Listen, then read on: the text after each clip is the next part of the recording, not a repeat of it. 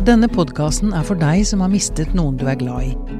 Kanskje lurer du på hvordan du skal leve videre? Her møter du mennesker som har gått veien før deg, og folk som hjelper sørgende.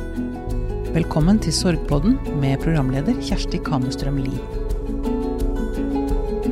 Da vi snakka sammen på telefon, Christian Fjellanger, så sa du at du syntes det var så fint at det skulle lages en podkast om sorg.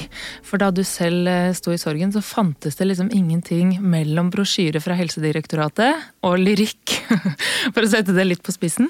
Og det er jo ikke å sette det på, veldig på spissen engang. For det, det var jo sånn hvordan takle uh, en sorgreaksjon. liksom Brosjyre fra Helsedirektoratet og liksom sånn, sånne steg og så. Og så var det da de fine varebøkene med litt sånn blålig tone på, på coveret med, med dikt og poesi om døden. Og altså, ingenting av det traff meg helt, da. Og så var det liksom uh, ja, Det var mange ting jeg lurte på. Uh, på hvorfor, og, og, som jeg skulle gjerne ha visst. For, at, for eksempel at kroppen min reagerte sånn og sånn. og um, så nei, ja, så derfor var, tenker jeg bra. Og derfor så var det, det var kanskje derfor også du ville skrive en, en, bok om sorg selv. Du skrev jo boka 'Sorg', ei lita bok om å være lei seg, for mm. et par år siden. Hva slags reaksjoner har du fått på den? Altså, Boka er jo en slags som, holdt på å si, selvbiografi. Mm. Eh, eh, mamma døde når jeg var eh, 23, mm. og pappa døde for et par år siden. Jeg var 37, så plutselig var jeg alene uten foreldre. Mm. Jeg hadde søster, men hun har jo sine barn og, og, og, sin familie. Så plutselig så var man en sånn satellitt, da. Og så tenkte jeg sånn Altså, dette vil jeg eh, altså, Dette kan jeg bruke til noe. For, at, altså, for eksempel da med at immunforsvaret ditt ikke er så bra som det pleier å være. Jeg fikk grått hår mm. uh, på, på to-tre uker, så ble håret mitt grått i tinningen. Jeg ikke så veldig grått, da? kan jeg Nei, ikke så veldig grått, men det, altså, nå er jo jeg snart før og merker enhver endring i, i, i, kropp og helse veldig godt eh, i et slags krisescenario. Mm. sånn at Og så er det jo ja, andre ting med kroppen som jeg gjerne skulle visst at man reagerte på. Mm. Uh, så, så, da valgte jeg å skrive den boka, som er altså, både ei bok til trøst og litt sånn til, ja, tips og råd. For eksempel, hvilke TV-serier skal du se når du ligger på sofaen og bare er griselei deg og egentlig ikke orker å følge så nøye med? Ja. Hva, er det beste tipset? Den beste TV-serien? Altså, jeg tenker, Gå for et eller annet med veldig mange episoder. Ja. Sånn, at det liksom sånn, det, sånn at du ikke får den der 'Å nei, nå er serien min slutt, hva skal jeg se på nå?' Mm. For jeg, de, jeg var blitt venner med de. Eh, så type sånn Dynastiet, det går veldig seint. Det er uhorvelige mengder med episoder, det skjer ikke så veldig mye. Mm. Ja. Det er en, en morsom bok som jo er ganske godt gjort eh, når man skriver om, eh, om sorg. Eh, og så er det kanskje ingen som kan helt være forberedt på sorg. Hva var det du ble mest overraska over? Altså, det var Når mamma døde, så, så var det en helt annen uh, sorg enn når pappa døde. Eller ikke helt annen, men sånn ganske ulikt. Det, uh, og det var sånn, da tenkte jeg altså, Men jeg lærte kroppen min, sinnet mitt, hjertet mitt lærte av hvordan det var når mamma døde. Mm. Uh, sånn at jeg ble overrasket over hvor likt det var, men over at jeg da visste at ting skulle skje. Og da når mamma døde, så trodde jeg jo jeg aldri skulle bli glad igjen. Mm. Og da visste jeg jo at når pappa døde nå, altså, jeg kom til å bli glad igjen. Mm. Og det er kanskje liksom det viktigste jeg vil formidle med den boka. da. Mm. At på et tidspunkt så kommer du mest sannsynligvis til å bli glad igjen. Det er En fin lærdom. En av de tingene som du fokuserer ganske mye på i boka di, det er jo nettopp det å klare å komme seg tilbake til rutinene, tilbake til livet, og ikke minst tilbake på jobb. Mm. Eh, og en av de tingene du gjorde tidlig, eh, var jo å ringe fastlegen din. Mm. Eh, hvordan fortona den samtalen seg? Altså Det var jo dagen etterpå pappa døde at jeg skulle ringe til fastlegen og be om sykemelding. Eh, for at jeg bor i Oslo, og, og pappa bodde på, på Lindås, som er utenfor mm. Bergen. Eh, og jeg var liksom forberedt på at jeg skulle ringe og eksplodere i telefonen. Men sånn, for faen, jeg må ha den sykemeldinga. Ja. Altså, og liksom sånn, så skulle de være vanskelig, og jeg kunne ikke få sykemelding over telefonen. var helt sikker på, Jeg tror jeg trengte en fiende. Jeg trengte noen å være sint på, for jeg hadde ingen å være sint på. Og så var det bare møtt med veldig sånn Ja, men sjølsagt. Altså, ring gjerne hvis det er noe mer, mm. og la, la, la. Så dette var liksom veldig gode eh, En veldig god opplevelse med min fastlege.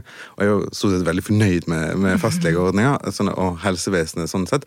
Sånn at, uh, ja, men, uh, men, det er jo ikke nødvendigvis sånn at man har rett på den sykemeldinga. Så det er jo uh, Kari Løvendal Mokstad, du er fastlege. Er det, er det sånn du møter dine pasienter på telefonen også? Ja, vi prøver i hvert fall å strekke oss langt for å både se og skjønne dem som er i en sånn livskrise, selvfølgelig. Um, og klart sånn som ditt tilfelle, da. Kristian sa at du var i Oslo og det var i Bergen det faren din bodde. Så skjønner vi at kanskje vi ikke kan stille opp på kontoret.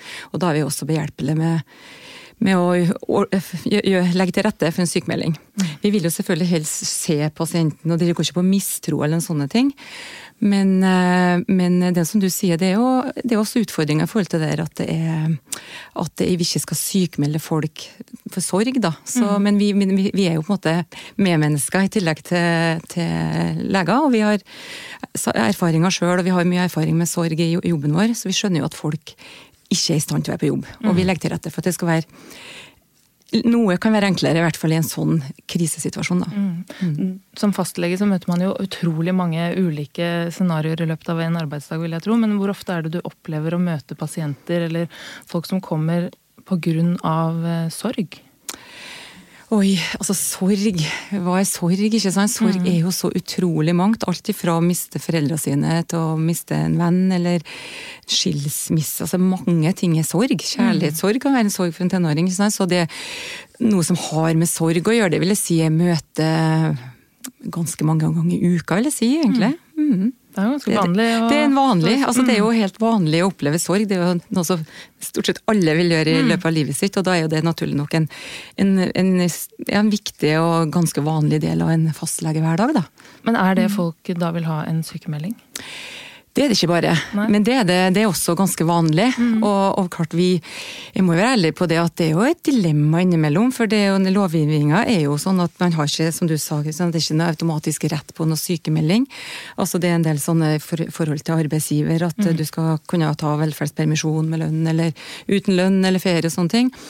Men um, men jeg opplever at jeg har diskutert litt med andre kolleger, og sånne ting, og vi er, vi er stort sett veldig behjelpelige med å stille opp. Men selvfølgelig til en viss grad i forhold til lengde, da. For det er jo ikke absolutt at en lang sykemelding er det beste for en person som er i sorg. Mm. Så det må vi ta underveis. Men i sånn tilfelle som du nevnte, Kristian, så tar vi er det ikke uvanlig å ta en uke eller to, i hvert fall. Og så kan vi snakkes etterpå. Mm. Mm. For for deg så var det riktig å få en sykemelding? Ja, for det, altså kroppen min fungerte ikke. Altså mm. Hodet og, og kropp det, det, gikk ikke i overens. Altså, jeg fikk ikke sove, jeg var supersliten. Altså hukommelse. Og mm. dette vet jo du om mye mer om enn meg som er lege, men det, altså, det var, det var liksom det med hukommelse. Jeg, jeg, jeg, trodde ærlig talt at nå har jeg fått demens. For det, det var ja, jeg kunne gå, liksom, sitte i stua og skulle gå ut på kjøkkenet og hente noe, og når jeg kom på kjøkkenet, så kunne jeg for mitt bare liv ikke huske hva jeg skulle hente. Det er veldig veldig klassisk det du beskriver, altså at man rett og slett eh, tror at man holder på å bli senil. Mm. Fordi det, altså, hjernen fungerer bare ikke i enkelte tilfeller. Altså. At man bare går helt i sånn uh, Og så, og Noen er reelt redd for at de holder på å bli senil, og vi må på en måte ta det etter hvert og bare berolige med at dette er en naturlig, helt naturlig reaksjon. For det er jo de tinga du beskriver, det er jo i boka di, det er jo naturlige reaksjoner på en veldig det kan ikke si en unaturlig hendelse heller. Å miste et foreldre, eller miste et barn eller miste en venn, det er jo ikke unaturlig, men det er veldig ekstremt, da, en ekstremt stor påkjenning for veldig mange. Og da er en av de mekanismene som den rare kroppen vår gjør, det er å, å bli glemsk og mm. miste konsentrasjon fullstendig. Og da sier det seg sjøl at du verken kan være bussjåfør eller, eller, lege for den del, eller uh, veldig mange andre uh, yrker, mm. i en periode i hvert fall til du på en måte mm. får henta den og kanskje får tatt en prat og forklart litt av de opp, eller, tinga som kroppen og hodet gjør. da. For akkurat mm. det med liksom de symptomene der, det, det, er ikke sånn som folk vet. Og det står verken i Helsedirektoratet sin brosjyre, for de vil sikkert ikke ha det siden liksom, man ikke har lov til å bli sykemeldt egentlig. Eh, sånn at, at, og, og det at det fins den oversikt, eller så oversikt i hermetegn, men, men, ting som kan skje med kroppen din. Mm. For at, altså, når du er lei deg, så, så du er jo så skjør, mm. eh, og så blir du glømsk, og så blir du forkjølt hele tida, og så skjer det veldig mange ting. Så blir du liksom, Det skal så lite til før du blir vippa fullstendig av pinnen. Og Ja, og hjertebank kan man få ikke kvalme, man kan få oppkast, man kan få diaré, rett og slett. Og man kan enten sove som en zombie, eller man får søvnproblemer. og mange, Det blir jo et stort problem for mange altså, å få søvnproblemer i kort eller lengre tid. Så det er veldig, veldig riktig det du sier. at det, Og det er jo lett etter de her, de her oversikta over de her naturlige tinga som kroppen sier fra med. Da. Det er få plasser det er sagt, så, det er, så det, er, det, er, veldig viktig at folk skjønner. Det minner meg litt om dem som kommer med panikkangst og sånne ting, som ikke har med sorg å gjøre, men altså, mm. som er så redd for å være alvorlig syk. Og når vi da får tatt oss en prat og forklare at de tinga der er, er vanlig, så er jo det med å halvere egentlig problemet, for å si det sånn. Skjønte du Kristian, at uh, alle de symptomene var fordi du egentlig var bare veldig lei deg? Uh, sånn uh, ja, skjønte det, Man skjønner det jo, sånn egentlig. Mm. Og så klarer man å fyre seg sjøl opp. for det, altså, det skal så lite til før man blir småcrazy crazy -hmm. av seg sjøl, fordi at man er så kjørt i utgangspunktet. Så det, altså, ja, men, men, ja, men nei. Sånn. Men da du da fikk sykemelding fra fastlegen din, hva var, det som, hva var årsaken, eller hva sto det i sykemeldingen? Diagnosen? Jo, det var vel uh, psykisk ubalanse eller et eller annet i den dur. Jeg husker ikke helt ordlyden, mm. men et eller annet Eh, der. Eh, et sånn sekkebegrep. Ja, sannsynligvis psykisk ubalanse, krisereaksjon eller et eller annet ja. sånn. Det, må, ha, må, det stå noe i en sykemelding? på ja, ja, det må det, men det er bare Nav som ser det. Arbeidsgiver ser ikke en mm. diagnose, det er bare når du leverer inn til Nav at det er dem som ser det. Så det er ingen andre som ser det. Og det er jo ingen det er en diagnose som heter psykisk ubalanse sorgreaksjon, mm. og jeg syns det er en bra diagnose.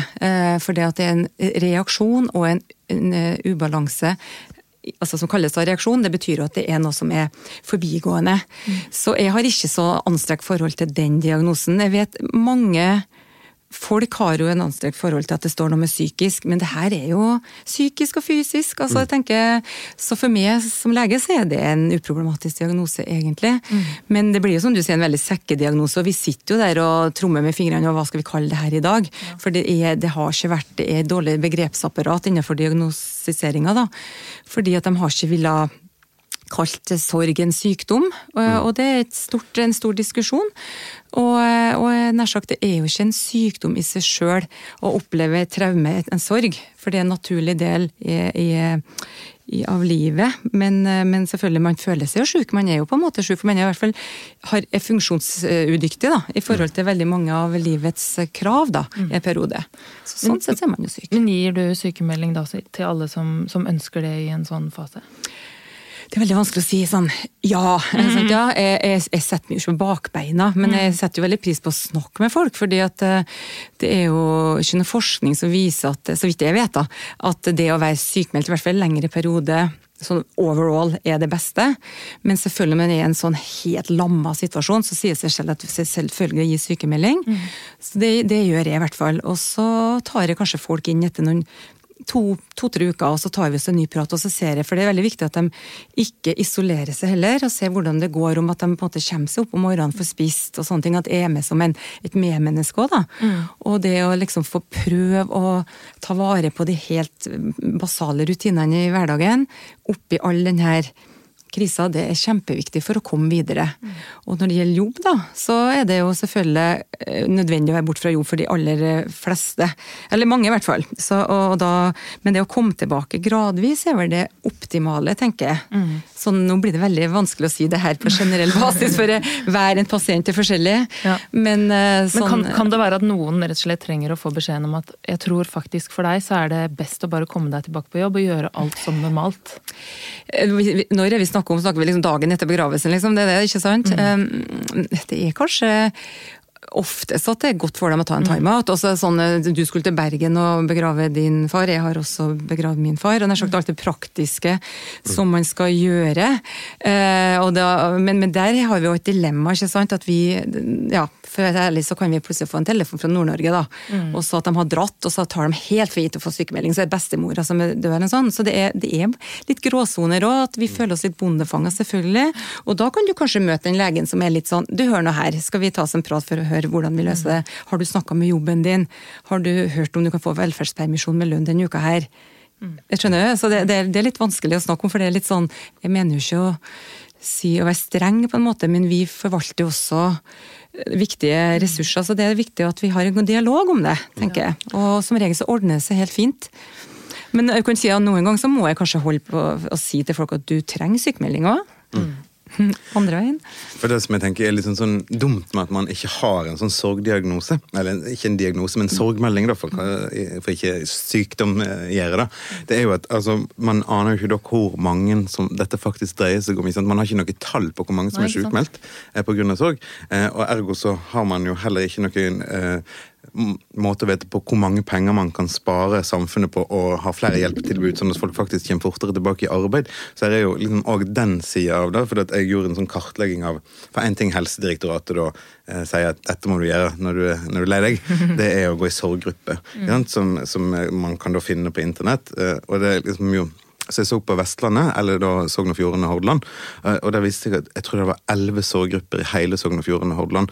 eh, Og eh, ingen av de som var generelle, var gratis. De kosta sånn 1600-1700 kroner å delte på, og for mange så er det en, betydelig sum i, en måned. ikke sant? Mm. Så, så da liksom sånn, når man ikke veit hvor mange det dreier seg om, så kan man heller ikke skape et godt hjelpetilbud, et lavterskelhjelpetilbud. For det er ikke sikkert at det skal så masse mer til enn to-tre samtaler, så, og så går det bedre. Men Ja, jeg ser, jeg ser den, altså. Det, det er interessant diskusjon der i forhold til sorgmelding. Um, ja, det, men det her med at vi bruker diagnoser som kanskje tilslører andre problematikker i livet til folk, det er vel litt mer generelt enn bare det med å miste noen. Da. Så det er en veldig interessant diskusjon, for jeg tror det er mye som går under den her ja, sekkekategorien P02, det kalles, altså det situasjonsbetinget, eller, eller annen diagnose som depresjonsfølelse, eller Så det er Nei, så vi sitter litt og klør oss litt i eh, både skjegget og hodet, skulle jeg si, og, eller hva skal vi kalle det. Det viktigste er at vi på en måte hjelper folk, da, men det, det som du sier, det er en grå, eller en, en tall vi ikke vet, da, med at det er sånn. Mm. Men Christian, du, du fikk nå i hvert fall en sykemelding da, i forbindelse med, med dette dødsfallet, og var borte fra jobb eh, i hvert fall et par ukers tid. Hva brukte du den uh, tida til? Uh, altså, De første dagene så var jeg, altså, man, Vi visste jo at pappa hadde kreft, men altså, det, var- det gikk jo bedre, og be- behandlinga virka og sånn, så, så det var en sjokkreaksjon som var så enorm denne gangen i, i forhold til mamma, for som vi visste at nå var det snakk om dager. Eh, så, så etter liksom hadde tatt oss inn noen dager, så, så begynte jeg å prøve å gå på tur. Eh, og en tur som jeg normalt sett liksom ville brukt tre kvarter på. Jeg, jeg sleit gjennom på to timer. Men bare da liksom allerede etter to-tre dager prøve å bygge opp igjen noen rutiner eh, som man pleier sånn, for å komme litt sånn tilbake. Eh, jeg har òg tidligere skrevet bok om, om eh, livsstilsendring. Mm. eh, om det å, å ta av. Eh, og litt sånn samme egentlig mekanismene, at man eh, lage en og en ny rutine for å, å, å komme litt sånn tilbake og komme i sving igjen. Så, så det er, altså, Man vet jo at man skal tilbake. altså, Det vet man jo, reelt sett. Eh, så, så det var det jeg for så vidt gjorde. I tillegg da til å ligge på sofaen og se grenseløse mengder med West Wing. Ja, jeg tror begge deler er viktig, men som vi snakker om, altså det er så individuelt da, hvordan man reagerer. Og man kan jo gå helt i kjelleren og bare bli apatisk nesten, og da er det jo Selvfølgelig viktig å komme i gang med rutiner, men eh, det kan ta lang tid for enkelte å, å gjøre det. da. Men det er da jeg tenker jeg har en viktig oppgave å sette opp folk til en ganske regelmessig time, og så være med og følge med, i tillegg til å være en omsorgsperson. og og, litt, og gi litt råd om de rutinene som folk ikke faktisk vet at det er viktig. da, Det å få litt frisk luft og spise mat, som sagt. og West Wing på blå resept. Ja. Og så jeg snakket med en lege når jeg skrev denne boka, og hun ga de to beste rådene. De syns det bare er helt fantastiske. Men det er da å spise jordbær, for at man har ikke lyst på mat. Men jordbær i munnen smaker alltid godt. Det smaker sommer og sol og glede, og få sol i ansiktet. Det er liksom sånn, Og de, begge de to tingene er jo medisin for veldig mange ting. Så um, Bare nå i påsken så har det jo vært liksom fantastisk vær. Eh, og da, altså, man blir jo man blir jo glad av sol. Ja. Tvinge seg ut i frisk luft, om det nå er vinter eller sommer, altså, men få litt frisk luft. Det, men, men det er jo på en måte tungt for mange å komme ut, fordi du, ja, du blir jo påminnet mye ved å se at folk er glad og sånne ting. Og det, men i hvert fall sånn, jeg har jo jeg har jo mista både barn og, og far, for å si det sånn. Og jeg husker i hvert fall jeg mista et barn, da. Eh, så er man jo bare helt apatisk, og da bare glemmer jeg aldri det her eh, Jeg mista den jo på termindato. Eh, og det bare har, hadde en venninne som bare kom flygende opp og bare satt i gang og eh, ordnet det, hjelpe til å ordne til begravelse, bare alle de praktiske tinga med å bare servere oss mat, lage middag. Mm. Altså der, og det kan jo ikke jeg som lege gjøre, selvfølgelig, men, men bare sånn råd til, råd til medmennesker. Altså. Det er bare enkle, praktiske. At man bare hjelpe. Ja, kanskje ringe på døra og si at nå skal vi ut og gå oss en tur. Mm. Eller det er bare å komme og være stille. Ja, for, altså, jeg bodde eh, singel, eh, sånn eh, og det var veldig mange venner som ville hjelpe med alle mulige ting. Ikke? Men da man egentlig, altså man orket ikke så mye, men da man hadde lyst til at noen kunne sitte i sofaen ved siden av deg eh, og ikke si så mye, og mm. svare når du spurte dem. For det, da bare være til stede for noen tror jeg er, er kanskje det viktigste. Ja, veldig sant. Ja. Da vet man at man har en god venn. Ja, Gi tid. Jeg tror kanskje Det er det som er det, liksom, den rikeste gava man kanskje kan få. Kari, hvordan var det for deg eh, da du selv da opplevde å miste som lege å møte helsevesenet fra den andre sida? Du, det var stort sett bare jeg skal si sånn, Det ekstreme situasjonen positivt. Både jeg og mannen min er leger, da. Og, eh, og vi mista han Erik her på termindato. Og klart eh, altså, men, men, altså, heldigvis så fikk vi lov til å ikke være leger. Vi mm. var mor og far, eh, vordende foreldre. Og hadde to små barn hjemme. Um, så vi måtte på en måte tilbake til hverdagen på et vis etterpå. Da. Men nei, vet du, det var utrolig profesjonelt. Stort sett, i hvert fall. Veldig profesjonelt. Og de tvang oss liksom tvang oss til å gjøre de her eh, praktiske tinga som eh, i hvert fall i mitt tilfelle det å miste et barn. Da, at du liksom har gått og venta på at du skal sitte med det barnet og amme, og så fra det å sitte og planlegge å dra hjem, så sitter du faktisk med pressen der dagen etter at han er født, og sitter og planlegger begravelse. Så det er helt sånn absurd, ikke sant. Men, eh, men, når ting blir veldig konkret og praktisk på en profesjonell måte, så er det utrolig hva vi klarer oss igjennom, da. Mm. Eh, så det har jeg lært mye av eh, å bruke som lege òg. At eh, det er jo nesten ingenting som er farlig å snakke om og være konkret om. Så lenge man på en måte er profesjonell og tar de reaksjonene som kommer. Men vi trengte å få litt push på ja, ikke bare sette oss ned og være helt apatisk, egentlig. Mm Så det var Nei, så jeg opplevde veldig, veldig profesjonelt fra St. Olav der vi opplevde her, da. Mm. Men hvordan er det for deg liksom sånn uh, altså, Jeg syns det er veldig rart å se OL nå, for det første OL uten pappa, f.eks. Men sånn så uh, det å miste et barn er jo noe jeg ikke helt kan forestille meg. Men hvordan er det med sånn, når du tenker på konfirmasjon eller myndighet? Altså, er det en veldig sånn sorg som kommer tilbake ofte? Ja, det er det. Jeg kan bruke å si at uh, det er jo sånn sår i hjertet, for å si det litt sånn floskelaktig. Sår i hjertet som jeg kjenner på en måte plutselig blir åpna seg litt. Og jeg har jo Han Erik var født i februar, og så fødte en ny gutt i desember. Ni og en halv måned etterpå. Det er helt ekstremt, egentlig. Mm. Eh, og de ble jo da på en måte konfirmert samme år, og sånn, så jeg må si eh, det var tøft når Fredrik nå ble konfirmert. altså Veldig, veldig fint, mm. og veldig rart. Mm. Og du, så det er akkurat som du sier, så er det sånne milepæler. man tenker, jeg sitter jo aldri og sammenligner, for det, sånn er livet. Det har jeg jo lært. at eh, det, det er det, det. Og han Fredrik er den mest velkomne i verden. Og så, men jeg tenker jo på liksom at hva rart det er at han Erik ikke er her, og, og så jeg gjør det, altså. Og, så, men det er jo sånn Tiden leger jo ikke alle sår. Mm. Absolutt ikke, det blir i hvert fall en sånn dum ting å si, men, men eh, det går videre. Og, og, jeg føler at den sårbarheten som jeg tør å kjenne på etter at jeg har mista mista flere nære, da, den har jeg vært så heldig å klare å forvalte på en måte som jeg, gjort, jeg føler har gjort meg sterkere og mer ærlig. da og ikke så redd for å gråte sammen med pasienter om det. Så jeg, jeg håper at det er profesjonelt, men, eh, men, eh, men, eh, Så det har jeg på en måte Uff, det er stygt å si det sånn, men jeg takka litt den erfaringa på. At det faktisk har Jeg har vært så heldig og klart å komme styrka, stort sett styrka gjennom det. Selv om jeg fikk jo høre det at jeg mister jo retten til å få livsforsikring i fire eller fem år. Fordi det, det står jo i at å miste et barn det er noe av det mest dramatiske. Og det er så stor risiko for å bli uføretrygda og sånne ting. Og syk og tidlig død og alt mulig. Så det måtte jeg faktisk kjempe for å få forsert frem litt, for å motbevise at jeg var jo i full jobb. Eller jeg fikk jo et barn så fort etterpå, men jeg har jo jeg har på en måte kommet med jobb og fungerer fint. Men, eh, men det er klart jeg kjenner på, Mm. kjenner på at det, livet har tatt noen runder, ja. Mm, Det er ikke akkurat sånne ting man kanskje har overskudd, overskudd å tenke på i en, en sånn situasjon.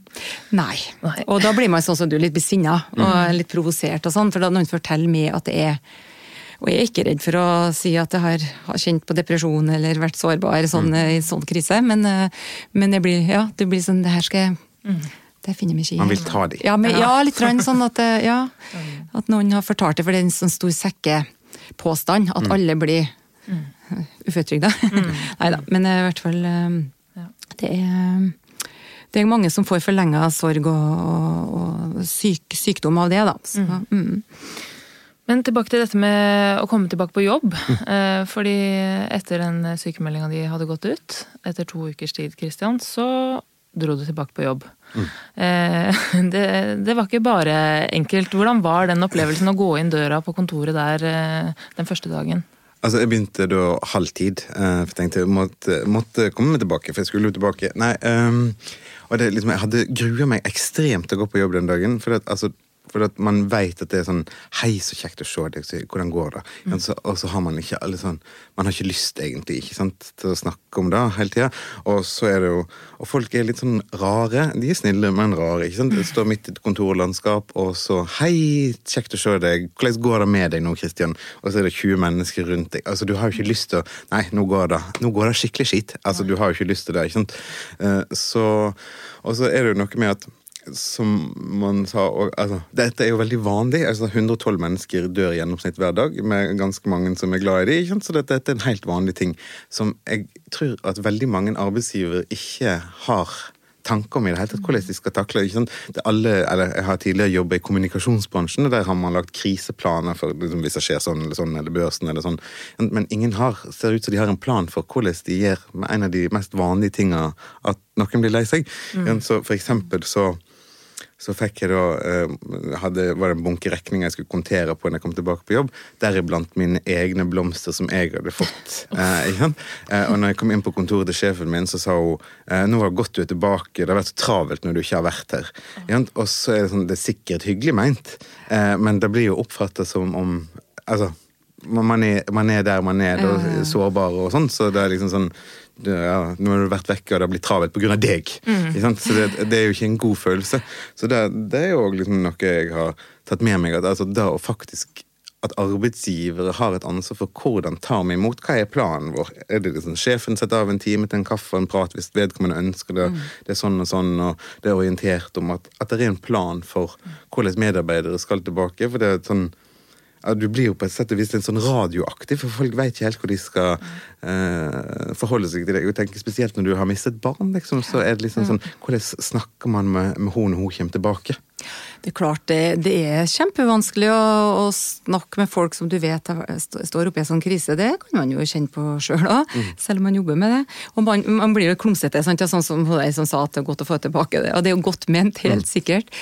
Eh, Og det tenker jeg nå iallfall er at jeg skjønte at det var vanskelig, på en måte. Mm. Så jeg prøvde jo i hvert fall å ta litt høyde for at folk sier litt dumme ting, og de mener det godt, på en måte, men det er ikke alltid man har en form til å ta det. Da blir man lei seg og sint og alt sånt, og trekker seg kanskje bort. Men jeg er enig med det at det er utrolig viktig at arbeidsplasser har snakket snakker gjennom litt det her, og, og at du slipper å stå midt i en eh, folkehop og få det spørsmålet, og så skal du liksom svare med Så at man liksom tar det litt kule, i hvert fall, og at, la, gir litt rom for at det her eh, Ta det litt gradvis, og, og i hvert fall når det gjelder det med sykemelding, da, er veldig opptatt av å starte gradvis. Prøve seg litt frem. Se litt an. Juster litt ned, litt opp og sånne ting. Og, og gjerne gi råd til arbeidsgiver, for det kan jo vi gjøre også. Eh, Kan vi skrive noen et par linjer om det og gi noe råd? Hvis, ikke, hvis min pasient føler at han ikke blir så lytta til på jobben, så kan jeg faktisk bidra med det. Hvis du er arbeidsgiver nå, så må du bare ta fram en penn, og så hører vi ikke råd du får. Ja. Håper noen arbeidsgivere der ute blir litt klokere. Ja, det er mange som føler seg berørt av det. her, Ja, ja og gi, gi rom og gi litt slekke, kan, det tror jeg er viktig. altså. Å få gå litt tidlig hjem, eller at en trenger å sette seg litt eh, på pauserommet for seg sjøl og ta en kaffe, eller bare Ja. Og så Og så har jeg sett noen råd om det med at en person kanskje du har et godt forhold til på jobben, kan bli en slags tillitsperson din da, i første perioden, så ikke bare arbeidsgiver eller leder skal være det. Det tror jeg heller ikke er så dumt at du på en måte som, som den som er i sorg, har kanskje noen få å forholde seg til i begynnelsen, og motsatt. da. Hvorfor er vi så dårlige på det her, da? Jeg har helt sikkert gjort mange av de samme dumme feila sjøl, og det er sikkert mange som hører på som har det. Mm. Hva er det som svikter? For det er altså sorg og alt som har liksom med psyken altså Det er jo fremdeles litt sånn tabu, ikke sant? Det er litt sånn Man er redd for å sø, mm. såre noen, mm. og så og så vil man, altså vil man egentlig gjerne altså Jeg tenker sånn To råd. altså da han, Jeg tror det å Uh, gi tid uh, er liksom det er igjen det viktigste. Hvis du skal spørre noen om hvordan det går, ha faktisk tid til at svaret er nei, det går ikke så bra. Det skulle jeg gjerne snakket med deg litt om. Da, må, altså, da, kan ikke det være ett minutt til du skal på neste møte. Da må du faktisk kunne ta deg en kopp kaffe og sette deg ned og, og lytte. For hvis ikke, så, så, kan du nesten la være å spørre, tenker jeg. Da kan du heller knipe litt noen i armen eller, eller smile til dem på en god måte og, og, uttrykke på en annen måte at du har medfølelse. Men, men, hvis man først spør, så må man ha tid til, til å, å lytte. Mm. Og det å vise svakhet og sårbarhet er jo ikke akkurat de kuleste tinga vi gjør fortsatt i samfunnet vårt, for å si det sånn. Um, og det å vise sorg altså Jeg husker når jeg mista min bestemor. Da var jeg bitte, bitte jeg var lite, altså det var jeg, men hadde det vært i dag, så har i hvert fall jeg tatt med mitt barn. Så vi var, Og det er ingen kritikk av mine foreldre eller, eller den generasjonen, men da var ikke vi med i kirka. For det var ikke så vanlig at barn var med, fordi at det, de var ikke vant til at så voksne eller gamle folk gråt og var lei seg, tror jeg. Jeg vet ikke, kanskje det var derfor. Mm. Så heldigvis har det gått fremover, da. Mm. Men, eh, men der, vi er veldig klumsete når det gjelder det der å og vi er usikre på hvordan vi reagerer når vi møter noen i sorg. Mm. Og hva er det? Ja, det er interessant, altså, men vi, vi er usikre på vår egen reaksjon. Hva ja. gjør vi hvis han sier at det går skitt? Mm. Og hva gjør vi da, hvordan takler vi vår egen uh, usikkerhet? Det, det, er ikke lett. For det er jo liksom, jeg tror ikke det, det er ikke så nøye egentlig hva du sier, nei, nei. Uh, så lenge du har tid. For det, altså, nei, altså, hva folk sa til meg så lenge jeg skjønte at uh, jeg hadde spillerom til å kunne snakke, mm. så visste ikke jeg helt hva jeg skulle si heller, på en måte. ikke sant? Sånn at det Og det går an å si. Ja. Altså, jeg, jeg, vet ikke hva jeg skal si nå, jeg bare føler sånn med det, og jeg mm. syns så synd i det nå, eller har tenkt så mye på det, eller eh, jeg skjønner om du har det vanskelig, eller altså, eh, hva som helst, bare mm. man Jeg er jo fra, fra, Vestlandet, ikke sant? og der, der blir jo uh, gjerne sympati og kjærlighet uttrykt i kaker. Ja. Man ringer hva, hva, hva, kan vi bidra med? Jo, Nordmøre òg, skal fortelle. Du, kan bake kake, du kan bake kake. Så, så når pappa var etter, etterpå laget til når pappa var begravet, det var veldig masse kaker, for å si det sånn. Uh, og folk vil jo så gjerne ikke sant, gjøre noe. Ja. Det er kanskje litt spesielt dette med, med en arbeidsplass òg, fordi man er jo på jobb for å jobbe, og de mm. fleste har kanskje dårlig tid, og mm, man mm. har, føler kanskje ikke sjøl at man har tid til å sette seg skikkelig ned med den som kommer tilbake etter sånn, et sånt fravær, da. Mm. Eh, jeg har, liksom lyst til å vite hva, hva burde stå i den kriseplanen som du etterlyser, Kristian, til alle arbeidsgivere der ute. Hva, man, hva må, vi, hva må de liksom bestemme at dette gjør vi på denne måten? Altså, jeg tror det, det, viktigste er jo å snakke gjennom at det er veldig vanlig. ikke sant? Det er liksom sånn, Hvis man er en arbeidsplass med 20 mennesker, eh, sannsynligheten for at noen mister noen nære i, i, i, løpet av de tre neste åra er ganske stor. Altså, Hva gjør vi hvor det er sånn Sørg for at vedkommende ikke må kontere på sine egne blomster, f.eks. Altså, ha tiden, ha en time når den vedkommende kommer tilbake, drikk en kopp kaffe, spis en bolle, gjør et eller annet, gå en tur. Sånn, snakk, spør hva trenger du av tilrettelegging, hva, hva vil du at jeg skal gjøre, hva, og, og, det er jo bare bare sånne ting. Altså, lytt og vær åpen, det, men ha, vær litt bevisst i forhold til det. For det kommer til å skje. Ja, og det å det å, å, uttrykke at du skjønner at de trenger litt tid på at ting ikke blir fra null til 100 på en uke eller to. At, eh, og er det noen muligheter på en arbeidsplass å tilrettelegge forhold til at du slipper å ha veldig sånn eh, hjernearbeid de første, de første tida. Og så en annen ting jeg tenkte også er viktig, det er det her eh, jeg tror mange føler på at den som har opplevd sorg, kan jo savne den personen eller ha det vondt med det i årevis, ikke sant? men at det er mange som går videre veldig fortere enn, eh, på jobben da, enn du sjøl gjør. Mm. Og det å prøve å huske på at eh, kanskje man spør om sju måneder, mm. liksom eh, skjønner om du ikke altså, skjønner om du ikke har det så lett ennå, eller hvordan går det, eller altså Ja, det tror jeg mange blir litt lei seg for, at liksom omverdenen glemmer fort, og naturlig nok, for folk har jo nok med sitt. Men uh, kanskje hvis det har kunnet stått i noen plan, at jeg ikke kanskje glemme å spørre når det har gått litt tid. For frem til begravelsen så er det jo liksom veldig mye oppmerk... Altså, du, du får jo liksom veldig mye trøst hele tida. Uh, og så når begravelsen er, så, så, så, så siver det jo veldig fort ja, litt over. Litt etter òg, men i hvert fall ja. ja sant? Det, det, blir mindre og mindre. Så, at man liksom Ja, det er et veldig godt poeng at, at man spør om det halve året. Og så husk på at, eh, at, eh, sorg er ikke en sånn konstant ting, og det er en veldig individuell ting. Altså Folk sørger så forskjellig. Det kan man jo gjøre som et ektepar som har mista et barn òg, eller mm. søsken som mista foreldre. Og det må man ha respekt for også, for, som, når man er den sørgende. At andre sørger også, at man har respekt for at det ikke er min sorg som er den mm. eneste, eller sånne ting. Og så at, at det er individuelt. At om en arbeids arbeidstaker har mista faren sin for et halvt år siden og sørga sånn, så betyr ikke at du sørger sånn. At man har en forståelse for at den er individuell. Eh, og at den går i bølger. At den går opp og ned. Og det er ikke sånn at eh, den går ned og ned og ned, og så plutselig er den slutt. Det kan, som vi snakka om her, det er plutselig den 17. mai der du ikke der du har hatt veldig mye tradisjoner, så plutselig er den personen du har hatt det med, borte. Eller, eller jul eller bursdag eller hva som helst. At man skjønner at eh, at det går i bølger, da. Ja. Og så er det òg en kjønnsdimensjon oppi det hele. Sånn, kvinner har jo kanskje òg et større språkforråd på å snakke om følelser, fordi at man er opplært til det på en annen måte enn menn.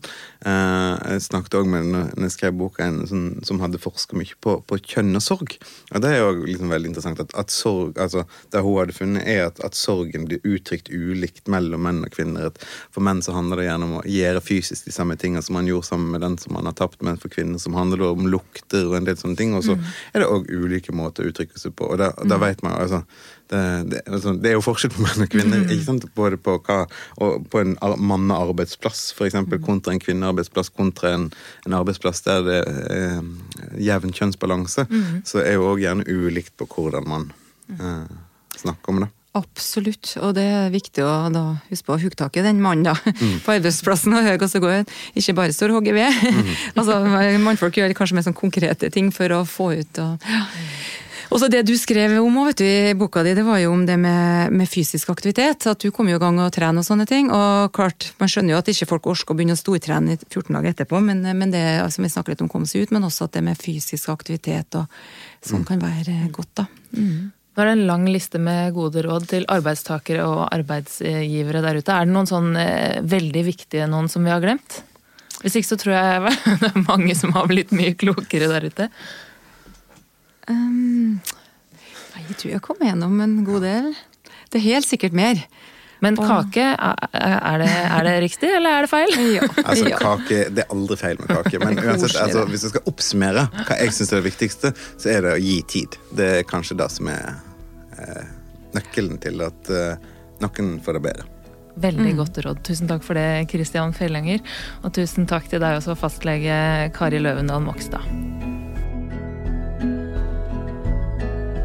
Sorgpodden er produsert av Tid og Lyst for Landsforeningen uventet barnedød, med støtte fra stiftelsen DAM.